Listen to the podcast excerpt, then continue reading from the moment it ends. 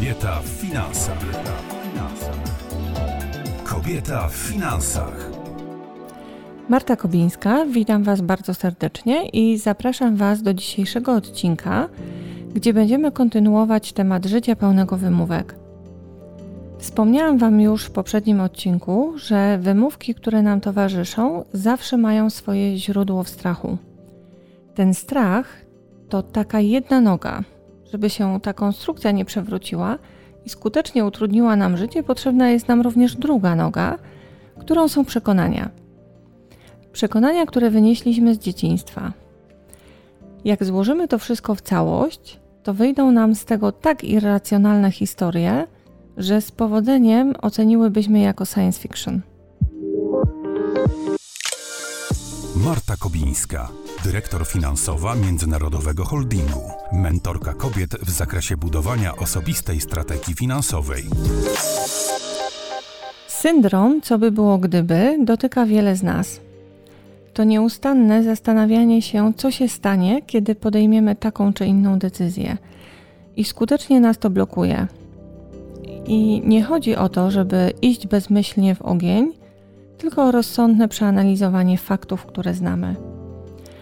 Czasami tak bardzo boimy się utraty pieniędzy, że trzymamy je na koncie, nic z nimi nie robiąc. Aż nagle przychodzi inflacja, jaką mamy obecnie, i okazuje się, że nasze 1000 zł nie jest warte już 1000, tylko 900.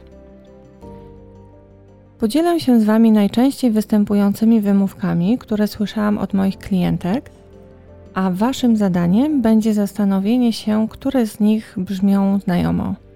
Jesteście gotowe? Co będzie, kiedy zajrzę na konto i okaże się, że wydałam już wszystkie pieniądze przeznaczone na ten miesiąc? Co, jeżeli mój mąż mnie zdradzi i odejdzie, a ja zostanę bez środków do życia? Co, jeżeli zostanę zwolniona z pracy? Co, jeżeli nie znajdę lepszej pracy? Co, jeżeli na emeryturze okaże się, że nie wystarczy mi pieniędzy na przeżycie? Co, jeżeli poważnie zachoruję? Co jeśli stracę dom, który jest dla mnie ostoją bezpieczeństwa? Co jeżeli mnie okradną?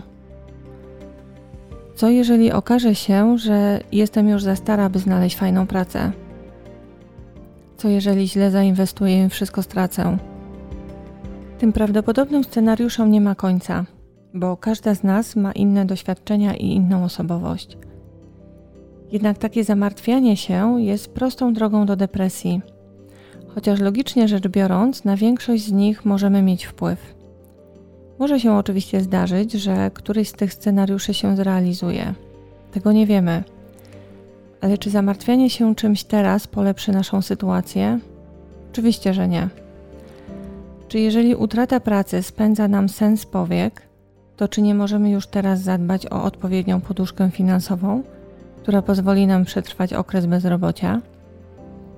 Czy nie możemy już teraz podnieść swoich kwalifikacji, aby w sytuacji zwolnienia podnieść swoje szanse na szybkie zatrudnienie?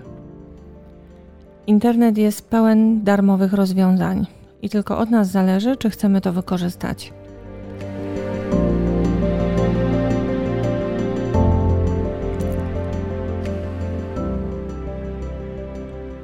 Jeżeli mamy tendencję do zamartwiania się, Zastanówmy się, co tak naprawdę kryje się pod tym lękiem i zacznijmy go minimalizować.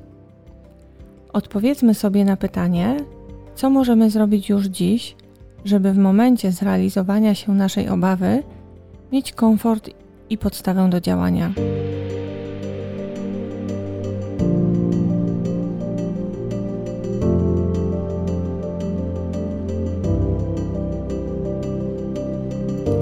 Zostawiam Wam teraz przestrzeń na refleksję i usłyszymy się za tydzień.